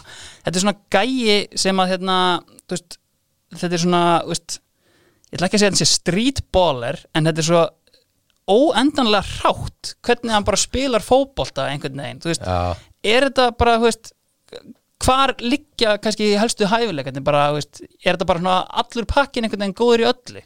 Já. Ætli það ekki bara. Já, Þú veist, ég meina þetta er náttúrulega skrokkur snöytsterkur uh, hann getur hlaupið uh, duglegur, en er líka með mörk í sér einmitt og þú veist, góður í loftinu bara erfitt að finna einhvern, einhvern veikan bletta á hann sko. og svo er hann líka bara leiðtói mm. rífið liðið svolítið áfram uh, flottur utanvallar og já, ég bara, þú veist, ég hef mjög örð með að finna eitthvað, eitthvað neikvæmt um að segja sko. Nákvæmlega. Baldur þetta orðin uh, aðstofþjálfari fjölnis í dag. Uh, Vippum okkur bara í tíma þinn í, í fjölni. Hvað Já. svona, þú veist, kemur til að hérna, á skiptið þangað? um, ég ég var, þú veist, ég sagði það svo sem bara við káa að, að því að uh, við vorum að eignast okkar fyrsta barn hana, um haustið 2017 þá sagði ég bara við káa menna mér, mér langaði að fara söður uh, söður að spila næsta tímabil þar. Og og þeir leiðu mig það ég svo sem fór ekki alveg ókipis en, en hérna, ég átti ára eftir að samning. Voru önnur lið inn í myndinni?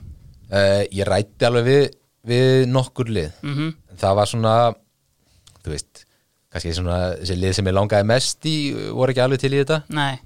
en hérna, en svo hefði fjölni samband og í fyrstu var ég nú ekkert á því að fara í fjölni. Nei. ég bara, mm, ég fannst það ekkert eitthvað gífulega spennandi en, en ég náði að plata mig á fund með, með Óla Palla Mm og bara eiginlega eftir þann fund var ég sannfærður. Ég, þú veist honum tókst einhvern veginn að sannfæra mig um þetta og að þá tók ég mér örfáða daga að hugsa þetta og svo ákveði bara að stökkva á þetta.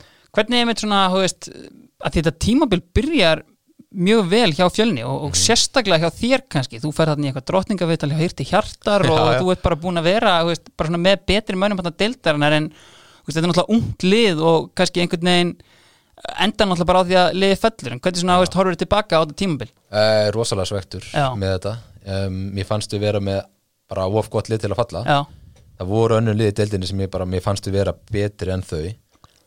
Um, já, þú veist ungt og svona skemmtilegt lið, spennandi lið margir, margir spennandi leikmenn uh, því miður að voru það eiginlega eldri leikmenni sem klikkuðu svolítið.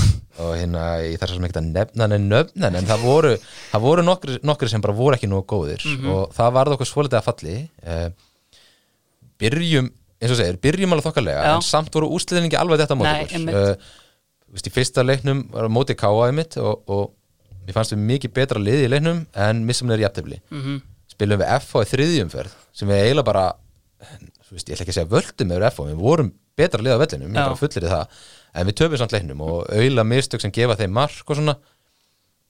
Og svo svona, sumari var smá þannig framan af að hérna úrslitin voru ekki alveg þetta með okkur. Mm -hmm. þessi leiðenda frasi stöngin út eitthvað en, en þetta var smá þannig og við vorum ekki að skora nógu mikið af mörkum þrátt fyrir að skapa ágætisfæri já, fá okkur mjög klaufaleg mörk svo svona seinni hlutan þá náttúrulega var þetta alltaf þingra og þingra erum samt eiginlega fyrir ofan fylki mest allt tímabilið sko. Og maður held alltaf einhvern veginn með myndum ná að halda okkur þar mhm, svo kom eitthvað svona þessi fylki stemning eins og gerist oft í árbænum að þeir komast á smá skrið og, og, og ná, að, ná að tengja saman sigra sem við vorum ekki að gera mhm. meira þess að gerðum jafntefli við Keflavík heima sem vor, var þetta tímabil langlýðlega lið Já, já. deildarins uh, Þannig að já, þetta var rosalega svekkjandi sko, því að við vorum með, alveg með vorum með fínt fótballtalið sko. algjörlega. Óli Palli náttúrulega hefur ekki þjálfað síðan en veist, hvernig upplifur hann sem þjálfara?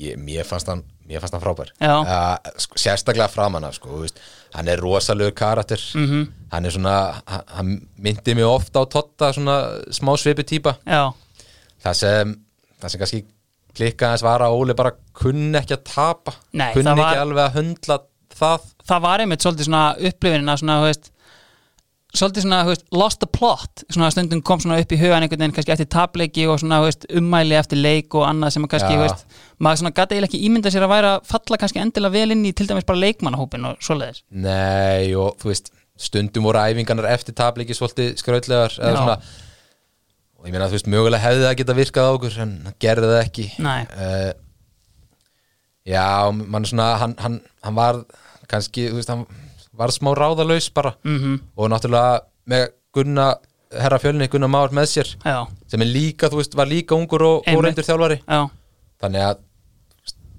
það bara, þeir bara vissu held ekki nákvæmlega hvernig átt að, að tækla þetta allt saman. Algjörlega Sko, einn annar kannski miðjumæður sem að hérna, já, svona miðju, já, einmitt uh, spilaði í fram með hérna heiðarigir Já. sem að hérna síðar með náttúrulega fyrir atvinnumennsku í, í Svíþjóð og hérna er enda mest megnis á, á hækju í uh, kaupmannahöfn þarna þegar að ég uh, kennst í kynni við hann en hérna, þú veist, gott talent þarna á ferðinni eða?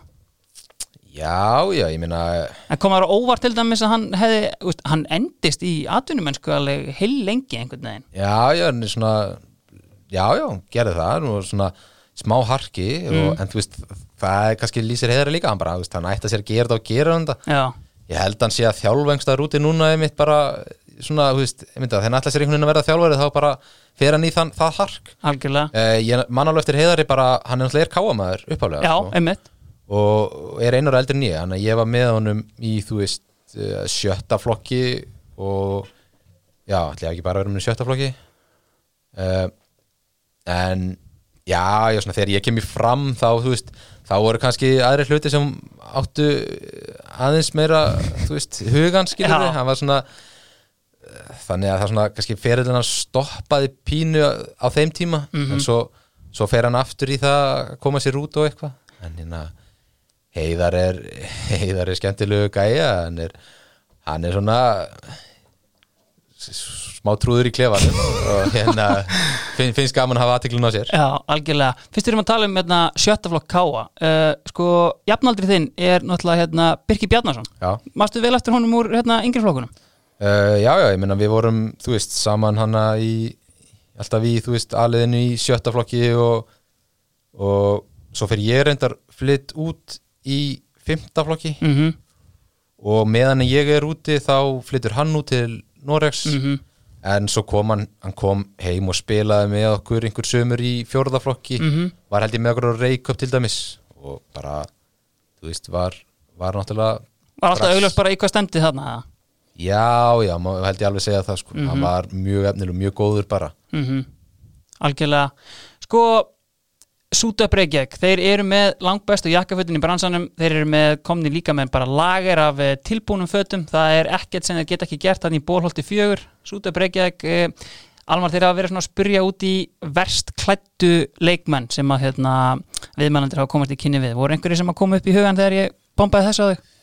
Já, já, maður svona það er svona e- einn og einn. Það er náttúrulega þú veist, hafa náttúrulega verið ímsir útlendingar sem eru með allt annan fatastíl heldur en við Íslendingar. Já, en það hefur verið leiðild að velja einhvern af þeim því að, eins og ég segi, er bara að lesa önnu tískublöðum við en hérna svo er svona, það er unga kynsluðin sem maður, maður tengir ekki alltaf við Nei. og ég hefði geta valið Aron Dag, Markmann Grindavíkur Grind, Grindavík hérna að því að hann er bara hann er, hann er að horfa á einhver hip-hop myndbönd og, og klæði sér eftir þeim sko. en ég ákvaða að velja sko mann sem er bæði lengst frá mér í klæðabriði en líka eða svona uppáhalds hefur með uppáhalds fatastílin hann er svona bæði verstklætti en líka, líka svolítið uppáhaldsklætti það er Birnir. Snær Ingarsson það er maður sem, sem þorir í klæðabriði.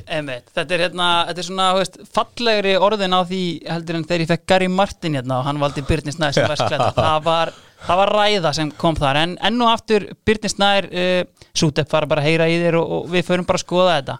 Svo kannski hérna, auðvitað okkar mann á lengjunni þeir hafa líka verið að spyrja út í svona einhverjir eftirminnilegustu leikir frá ferlinum þegar þú fer á kótan um, Já, það ætla að sé það ekki þrýr leikir sem ég svona mann hvað mest eftir, það er Kep, Keflavík 2008 mm -hmm. þeir skora mitt fyrsta mark fyrir fram.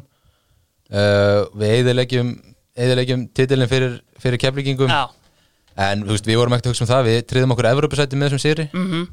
þannig að það, það var, gegg, það var já, geggjað, ég er búin að segja geggjað held ég svona hundra Já, bara, ég, er, ég segi ekkit annað en sömu orðin, það er bara mjög fínt sko. uh, Svo er það uh, sem við komum aðeins inn á áðan, það er hérna skotaleikurinn Já. með 21 árs landsliðinu. Það er náttúrulega bara, það var draumi líkast og, og svona ég nánast upplifði þann leik í einhverju móðu sko. Það er með, þú veist, ég kom inn á áðan, veist, umtalið um það þegar þú tekin í lokahópin, en sko, veist, umtalið var nú ekkit minna á, á Twitternum, sko, þegar Eyjólfur setur þið þarna inn á, með, Já. sko, Alfred Finnbóðsson á bekknum og bara, þú veist, það var nánast hægt að heyra, sko, andvarp í stúkunni þegar þú varst byrtist þarna á hliðalínni. Já, sko, það, það var nú þannig að, að hérna, hann sendir Alfred að hita upp Eyjólfur og hann fer maður þarf að fara hann og lögutisveld maður þarf að fara aðeins svona til hlýðar eitthvað að hita upp. Ert smá frá bekknum og svo einhverjum örfáum myndum síðar þá sendir hann mig líka að hita upp. Svo sjáum við báðir að það er að koma einhver að- að sækja, sækja annan kon okkar. -hmm. og Alfred lappa svona á mótunum og við, ég held að við höfum báður hugsað að nú er Alfred að fara inn á. Og hérna, svo snýr Alfred sér við og, og bendur á mig og ég er bara svona, ha, hvað, hvað meinar veist, ég, ég hugsaði alveg líka minna, Alfred, Alfred er að fara inn og við þurftum, við þurftum mörk og Alfred var búin að vera heitur já bara búin að vera langt besti leikmaður Íslandsmótsins, já. já, og, og hérna hann að ég bara svona skokka fram hjá Alfred sem er ekkert allt og sáttur skiljanlega. Og, og ég man ekki hver sótti með en hann, hann segir mér að ég að fara, að fara inn og, og ég fer hann á klæði mig, klæði mig úr og fæ eitthvað smá tal. Og já, já, ég, hérna, ég skil vel að, að alþjóð hafi verið hist á þessu, já, því að ég var það alveg sjálfur, sko. Já, hvernig er svona einn bræði mitt hérna, þú veist, Eyjólfur og hérna, er ekki Tómas Ingi með honum líka hérna, þú veist, gott kombo af þjálfurum Ég kunni mjög, mjög vel við þá Mhm. og kannski sérstaklega því að þeir völdu mig alltaf. en að, nei, nei, ég, ég kunni mjög vel að að metta það, sko. Mm. Tómas Ingi er svona, kannski smá eins og gummi ben, hann er svona aðstofþjálfari sem er, er með fimm öðruna alltaf klára. Já, mjög skemmtilegur og ég meina Egilur náttúrulega með, með sinn feril og allt það og þekki fótbolta vel og, og hefur svo sem alveg fengið ákveðna gaggrinn sem, sem þjálfari finnst manni gennum tíðina en, en ég bara, ég fannst þér mér fannst þér góður algjörlega. Sko við höldum áfram með lengjunni og sóknarlínan fremstu tveir, þeir eru auðvitað í búið lengjunar lengjana með allt sitt á hreinu, þeir eru íslenskir þeir eru skattfrjálsir og þeir styrkja íþróttastarf. Stórkast þetta að vera hann inn á síðunni hjá þeim með í appinu og þurfi ekki að endurrekna á milli gjalddeira og eða pæli skatti og þegar þú tapar stórt þá veistu að peningurinn hann fyrir beint í batna og úlingastarf Sko ef við byrjum bara aðeins á kannski, ef byrjum bara á öðrum korum, hverjum Já. viltu byrja á? Bara að taka Kjartan fyrst. einmitt Sko, ég held svona, veist, sennilega einn besti sendir dildarinnar á, á þessari öld, sko en þú veist, eitthvað við svona kjartan þegar maður horfir á hann á, á velli ekki með boltan sem að maður hugsar svona að ég stundum svona, veist, er þetta fótboltamaður? er ég einn um það eða? uh, hann er náttúrulega bardagamæður í einhverju, einhverju annari vít sko. Já, en til dæmis bara þegar þú kemur í fram þú veist, hérna, nei, kemur í segi, þú veist, kjartan er ekki beint vinsælasti leikmaður deildarinnar, þú veist, Nei. hvernig var svona skoðan þín á kjartani áður en þú mættir hana? uh, bara eins og allir sem að spila á móti honum þá fóldi ég hann ekki. Ég skal bara alveg segja það. Og hérna, en það, það reyndar er ákveður hrós frá mér þegar ég þóla ekki leikmenn. Það, ég, þú veist, það er bara að því ég veit að það eru mjög margir sem þóla mikið Já, það hérna, já, já bara, þú veist. Hvað svona gefur kjartani the nod fram yfir aðra sendari hér? uh, ég er bara veist, hann svo segir einn besti, besti frammeri sem í þessari deild á, á þessari öld sko. Mhm. það voru rosalega margir frammeri sem kom til greina hjá mér mm -hmm. minna, Hólberg hefst ekki í liði hjá mér hann, hann, ég vona hann hlust ekki að að hann alveg skilið, þú veist, hvort sem að væri frammi eða á vagnum hjá mér uh, Elvar Átni, búin að vera eh, frábær hjá okkur í, í Káa Mhm. og bara svona smá vannmetin frammeri finnst mér mhm, um, ég meina ég hugsaði alveg Kristinn Inga líka hana frammi Mhm. hvort eða hann getur alltaf spila bæði frammi og kantinum mhm. og öruglega fleiri sem ég er að gleyma núna sko. Já, sko, ég ætla að hjálpa þér aðeins að því að Dominos, uh, Dominos tríóið í hverju viku eru Dominos með bestu pítsur landsins, það er elstu og virtustu þrjár pítsur af matseli á 1790 ég sendi nefnilega ása á Dominos liðið og hann sagði já, þetta eru flotti strækjar en hérna er Dominos tríóið af, af þremur sendurum sem að hann vildi kannski hérna hendi umræðina og náttúrulega fyrst og fremst þá er náttúrulega, veist, er ekki strækjar nummer eitt á Akureyri Reit Ringsson já, það, já, já, jú, jú það er hérna reynsi kallinn, hann hefði líka getað komist að það ef hann hefði ekki, hann ekki gerst Júdas og farið yfir í Þór Já, Þannig að það er enda góða punktin og síðan kannski annar, hérna 2011 í fram, þá náttúrulega poppar hérna, a Man, Arnar Gunnlaugsson hérna. hvernig var að spila með honum? Þarna er hann sko orðin 38 ára. Já, hvernig var bara svona gæðin í honum og annað þú veist, það er bara ótrúlegur leikmaður. Já, Ég var næstu búin að stilla upp í, í hérna fjóra, þrjá, þrjá og með Arnar í hólunni. Já. Ég hugsaði alveg vel um það. Uh, ég, Þetta var kannski náttúrulega ekki há tindur fyrir sans. Hann að þetta ár hjá fram. Já, en hann var, hann var góður og stundum á æfingum, þú veist, hann leka sér að fá bolta fyrir utan teig í spili og smyrja hann upp í samskiptin já, hann á líka mest baller move sem ég man eftir það var, það var hérna aukaspinna móti, fengum aukaspinna móti Káar og hann og Sam Hjússon stilla sér upp í boltan og hann segi við Hjússon, herri ég ætla að hlaupa við boltan og, og þú, þú skor, skýtur sér og hann bara ok. Svo bara hleypur Arnar á boltanum og neglur hann upp í samskiptin og skoraði. Og, og svo sagði hann bara við Hjússon bara, sorry, mér bara ég hafði einhver góða tilbyggu fyrir þessu. Þannig að þetta, þetta, var, þetta var Arnar. Að hérna, kannski smá svekkjandi að hann svona hann var svolítið maðurinn hann í liðinu að veist, hann var ekkit mikið að gefa af sér. Nei. Hann hefur sagt það sjálfur sko að hann einhvern veginn þegar hann var að spila þá bara pældi hann rosalega Já. mikið í sjálfum sér. Já, sem er smá leðilegt núna þegar maður sér hvað hann hefur fáralega mikið vita á fótbolta og, og mér er mjög gaman að hlusta á hann tala um Einmitt, hlustaði mitt á hann hérna hjá þér og bara, veist, ég, ég geti hlustað á hann tala um fótbolta alveg bara heilu dagana sko. Já, Og- en hann, hann svolítið mætti bara í mætti annarkvort í jakkafötunum á æfingar eða bara mætti í æfingadressinu og beint út á völl og, og þú veist já, var bara, var svolítið hann svona með okkur sko. Mm Mhm. gaman að spila með honum, en maður hefði kannski vilja hafa, hafa kynst honum aðeins betur. Já. Síðan er náttúrulega hérna tók eftir því að hérna þú spilar hérna í Káa á fyrsta árinu með svona neðri deilda legendi Bjarnar Pálmasinni já, Hvernig var svona, þú veist, hérna hann fættur 84 uh, og maður, veist, fyrir guttlara eins og mig sem hefur skemmt sér í fjóruðu og þriðu deildinni, þú veist, bara svona, veist virkileg gæði þarna sem að maður hefði haldið að, veist, hefði kannski nýst á hærra level á einhverjum tímapunkti.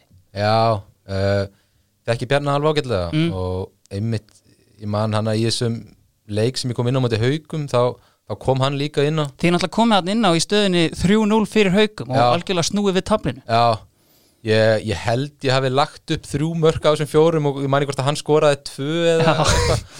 Uh, Já, komum saman inn á og, og hérna því miður náðu ekki að skora þessi tólmörk eða eitthvað sem okkur vantaði á þeim tjónfúti en, en hérna vinnum allan að leikin Já, og já, ég minna man, veist, ég spilaði með Bjarnar líka í öðrum flokki þegar maður var svona fekk einhverja leiki upp fyrir sig. Mhm, og hann var alltaf gífilega góður en þú veist, hann var líka þannig að ég held að hann hafi farið í verkfræði eða eitthvað, hann var alltaf mikill skólamaður, námsmaður og, og svona mm, kannski var ekkit alveg með fókusin 100% á fótboltan sko. nei, nákvæmlega. Þetta var Dominos tríu en síðan veist, ef við förum í útlendinga ég veist, Stephen Lennon hann mæti náttúrulega fram og gjössanlega bjargar ykkur hérna á einhverjum veist, hvernig var bara, veist, þarna á, veist, kemur inn í fram þegar fram er með einhver tvö eða eitthvað svoleiðis og stefnir lóðbeint niður en, en þú veist, Hjússon kemur á sama tíma eða ekki, veist, bara, bara svona strax bylting bara á æfingasöðan að fá þess að tvoðin Já, og ég man Alan Loving komur fyrir tímabilið en þeir voru samt einhvern veginn svona tríu hann saman,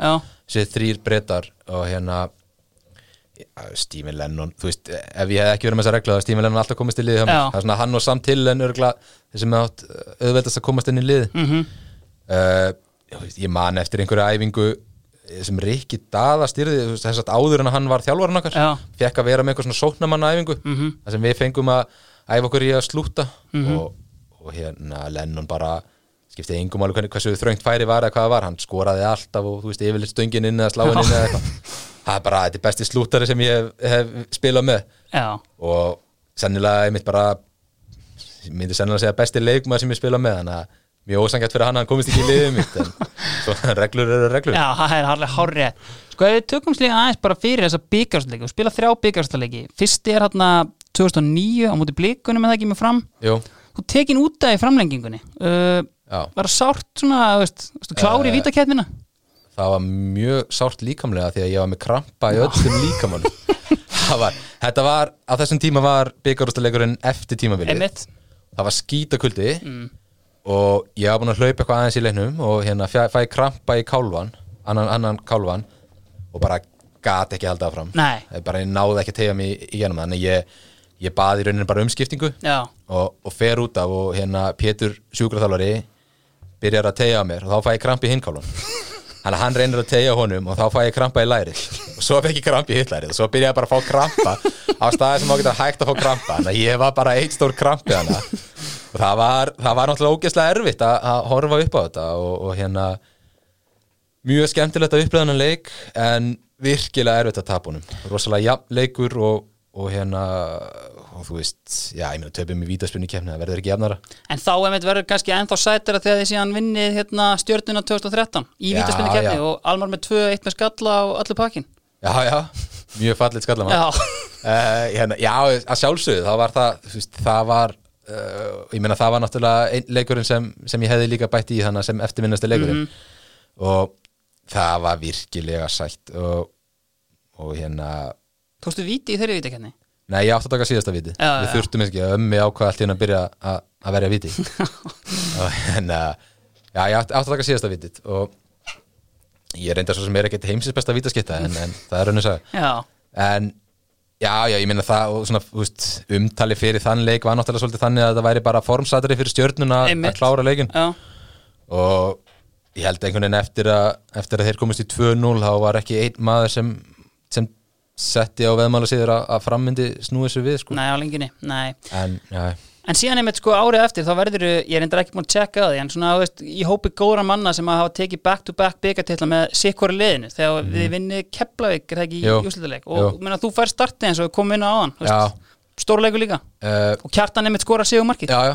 Uh, já, ég var smá heppin að hérna leikurinn á undan var einmitt á móti keflaug já, og það voru svo margir í báðum liðum sem voru á hættu á gulu spjöldum og það var náttúrulega þannig að ef þú fekk skuld spjald í þeim leik þá varstu í banni í já. fáralega regla. Já, þannig að rauninni bæði lið ég ætla ekki að segja að stilt upp varaliðinu sínu en svona stilt upp að kvíldu marga bestu leikmunum sínum. Já, og ég fekk tækifæri þar og skoraði tvö í þeim leik. Mm, svona, já, og, þá, og þá fekk ég mitt tækifærið í byggarúsluleiknum sjálfum. Og ég hérna, já, og, þú veist ágætis leikur og ég svona, við þurftum við skorum seint eða ekki? Mhm, jú, og hérna vorum, vorum betra lið og þetta sigurstranglara liðið. Já, svona aðeins öðru heldur en fram einmitt. sigurinn að, að þvíliðinu til. Mhm, en að því hún nefnir back to back það var náttúrulega með mér í frambyggarmistari Viktor Bjarki. Já, hann vann byggarinn þrjú ári röð Já. tvisar með káir og svo skipta hann fram.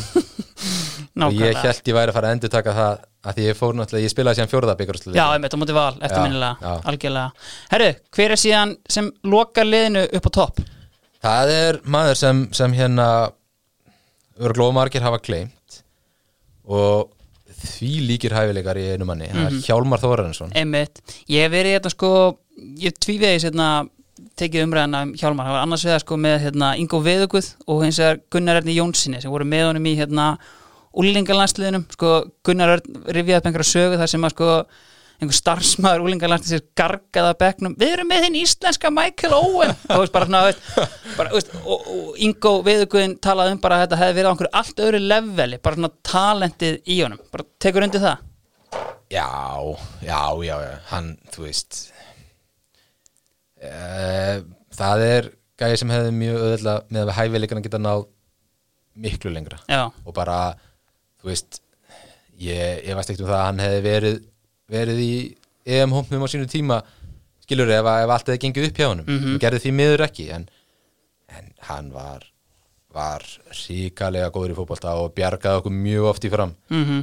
Það var einhver leikur á móti fylki sem við vorum að, hvort við vorum að tapa 2-0 eða eitthvað, hann kemur á bekknum og bara snýr leiknum við, mm þú endum ekki á að bráða vinnan eða eitthvað, ég mannaði ekki. Sendir hann ykkur líka í Európu þarna með sigur markið á mútið keflag Jú, akkurat, hann, hann Geggju chip já, vippa hennar yfir hann sem að sér ekki alltaf ofta á Íslandi. Nei, og bara hjalli, já, bara á mjög skilið að vera í þessu liði. Algjörlega. Herru, þá er liðið komið í markinu. Ögmundur Kristinsson, bakverðir Haukur Heiðar Hauksson og Guðmundur Eini Gunnarsson eh, Jón Guðni Fjólusson og Auðin Helgason í hafsendunum. Á miðinni Óskar Örn Hauksson, Baldur Sig, Haldur Hermann, Refur Draumalisins og Hallgrímur Mar og upp á topp uh, Kjartan Henry og Hjálmar Þórarensson Hjálmar er auðvitað uh, hann var hinn íslenski Michael Owen eins og var hrópað á bekknum á sínum tíma og það er því bara vel við hæfið að Dominos með bestu pítsu landsins útnefni Hjálmar Þórarensson sem Dominos leikmannin hjá Almari. Sko Almar uh, fer að hérna, fyrir að slá botnin í þetta en, en sko Túborg, þeir hafa tengt þjóðina saman frá því bjórbaninu var aflétt. Örygasti bjór landsins og ég raun bara ekki til betri leið til að fara inn í árið 2021 heldur en með einn. Grænöl góðan í hönd. Þeir hafa svona verið að leifa leikmönnum að velja tólta mannin inn í liði svona sem að er kannski mest upp á að halda góðri stemmingu í klefanum. Hver var svona líklegastur hjá þér í þetta? Það voru mjög margir sem kom til greina hjá mér. Uh, Svo ég nefni bara örfáa ég meina, Tómi Leifs og, og Sveinbjörn Jónasar, Jón Orri og, og Kristján Haugsson voru góðið saman. Já, um, Greta Sigfinnur þú veist, uh, hann var allt til í að halda partí og svo var hann líka til í að skrúa skrúa alla skápa saman í klefanum og svona hann hafa mjög gott að vera með einn ein slíkan. Uh, og hjá Káa spilaði með mörgum skemmtilegum eins og Sveitn Elias sem er reynda þósar í dag hann, hann einmitt. náttúrulega verður ekki valinn. Uh, og ég meina Pétur eða Kristjánsson hann fyrir ekki fílu við mig, ég myndi ekki nefna hann. Uh, en ég ákvað að velja, velja góðum minn hann Baldur Nólasson. Já, einmitt. Og svona, já, náttúrulega gerðist tósar um tíma en við erum búin að fyrirgjóna það þegar hann kom aftur yfir en hérna hann er bara geggjutýpa og, og já, einn af minnum bestu vinnum sko. Já, sá tólti í búið Túborg Baldvin Ólafsson Hvað myndi þjálfa liði? sko, það er rauninu bara einn maður sem kemur til greina það er, er uh, frændi minn Þorvaldur Já, Örlisson ég held að Sko, veist, var það einhvern tímann issue? Veist, þetta er náttúrulega föðubróðin og, og svoleiðis Var erfitt einhvern veginn að Eða var hann bara ennþá harðari við þig fyrir vikið?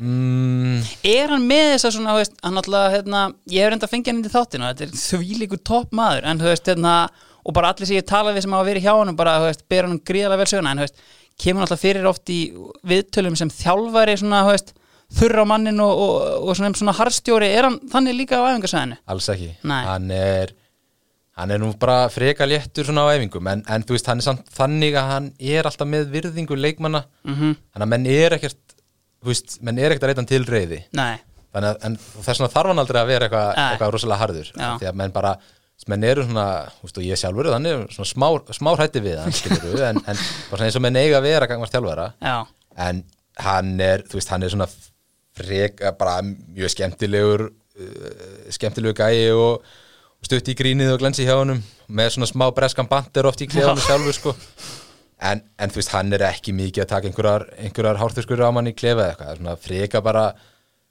þegar við vorum skýtlélegir í fyrirháleik þá bara kom hann inn í klefa og, og saði ekki orð Já. ef einhver ætlaði að segja eitthvað, þá saði hann bara að þegja Já. svo sátum þetta bara í þögn og vissu, vissu hvað það búið að skýta á sig og svo Já. kom bara rétt á hann fórum út aftur bara, ja, gerið ykkur brók og, og gerið þetta almennilega eitthvað.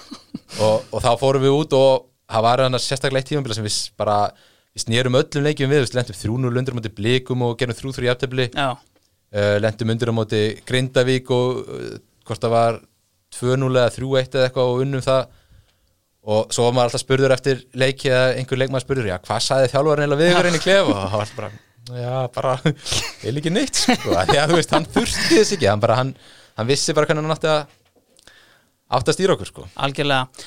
Sko við förum kannski í svona hérna, ég er mjög gaman að ræða svona kannski eftirminnilegustu útlendinga og sendi mér auðvitað þetta lið af, hérna, af gæða leikmönnum en þú veist, það er náttúrulega oft líka bara svona leikmenn sem koma og, eru eftirminnilegi fyrir aðra sakir en, hérna, en knaspinnilega hæfileika. Ég hef mjög gaman að ræða til dæmis um hérna, framaran og valsaran eitthvað Henrik Eggerts uh, Varst ekki með honum í fram með það? Dani? Nei, nei, ég, hann var farin þegar ég kom Þá verðum við bara að henda okkur yfir í annan kong uh, tókólestina Farid Sato var hérna, sem kemur hætti í KR það var svona, þú veist gæi með mikið potensial, búin að spila með mikið Ólafsvík og svona, þú veist F á náttúrulega færan til lands á sínum tíma, þú veist voru gæði í honum? Já, en hann nefndi aldrei að sína þau Nei, bara því miður sko. Hann, hann var svolítið þannig að hann, hann var smá eins og hann nefndi ekkert að vera þannig og hérna þú veist ég meina rosalegu skrokkur Já. og líka bara virkilega góður á boltan Mm. svona smá jæja túri í honum. Einmitt. Þegar hann komst að skriða þá gæst ekkert stoppað hann. En hann var ekki eins og hann minnst á að vinna sér inn í liðið. Já, bara á því miður sko. Það var, það var ein æfing það sem hérna sem var einhver einhver skátt upp í stúku að fylgjast með okkur. Ja, og var, var held ég að fylgjast með honum. Og, og einhvern veginn já, við vissum að það var einhver gæði hann bara upp í stúku á Kárvelli. Og, og við fórum í einhverjum hlaupum þessari æfingu og að þeirri æfingu var Farid Sato svo lang fyrstur í þessum hlaupum og hann var bara lang bestur á þessari æfingu og það, þú veist, bara út af þessum skátana þá hugsaði maður bara, af hverju ert ekki alltaf svona, þá er bara besti maður deildar sko. en því miður þá vittist hann ekki það var brjálaslega mikið náhuga á þessu sko. Nei, en er eitthvað svona sem að poppa upp í huginu þér svona, sem ég er ekki að nefna hérna? Já, það eru, það eru tveir það er eina, var frakki sem kom til okkar í K.A. 2007 held ég Já, fyrir hann 2000 eða 2006 Sjalla að nú mann ég aldrei hvað hann heitir. Finnur hann örgulega það var skröðlegu gæði, hann kunni ekki stakt orðið ennsku held að ég kynni frönsku hann var þetta bara frönsku um mig. Og veist þetta var hann fór einhver tíman á örgulega kaffi Amor eða kaffi Aka eða eitthvað daginn fyrir leik og var landfram á nótu var skammaði fyrir það. Og það virkaði ekki betur en svo að hann fór sást einhver tíman á, á einhverju skemmtistæði Reykjavík daginn árum við vorum að spila á Akkur hann skellt sér og náði einhvern vin sem að kepla einhver hlut farið á djammi í Reykjavík reyndar, hann drakk reyndar ekki en það skiptir svo mikið öllum Nei. kerði svo heim aftur um nóttina að morgunin og ætlaði að spila leik með okkur. Og þegar það komst upp þá var hann sendur heim. Og svo er það annar gæði sem ég náði að spila hálfleik með og ég sá hann ekki aftur, það var Mark Redsjó sem var gæði sem held ég úr hérna Academy United já, einmitt og hann mætti hana mætti hana rétt fyrir tímabil, ekkert í brjálaslega góðu standi. Nei, fannst ekkert voðalega gaman á æfingum að því að Kristinn Ingi var alltaf að sparki hælun á hann hann hafði ekki húma fyrir því. Kristinn Ingi þegar hann að dekka menn þá, þá stendur hann ofta á þeim í staðin fyrir að vera, vera hjá þeim. Og hérna og svo áttu við fyrsta leik ég held að vera mútið Þóra á lögðarsöldi mm. uh, og hann er arfaslagur er tekinn úr liðin í hálfleik og eins og ég segi, ég sá mannin ekki allt hann var bara, hann var heldur bara pönt, pöntið þvota fyrir hann bara beinlega seint til Englands þannig að hann var svona, hann átti mjög stöð stoppið okkur algjörlega Sko, bara svona aðeins í blá lokin bara, hérna, hvað er planið hjá Almari Ormarsinni næsta sumar?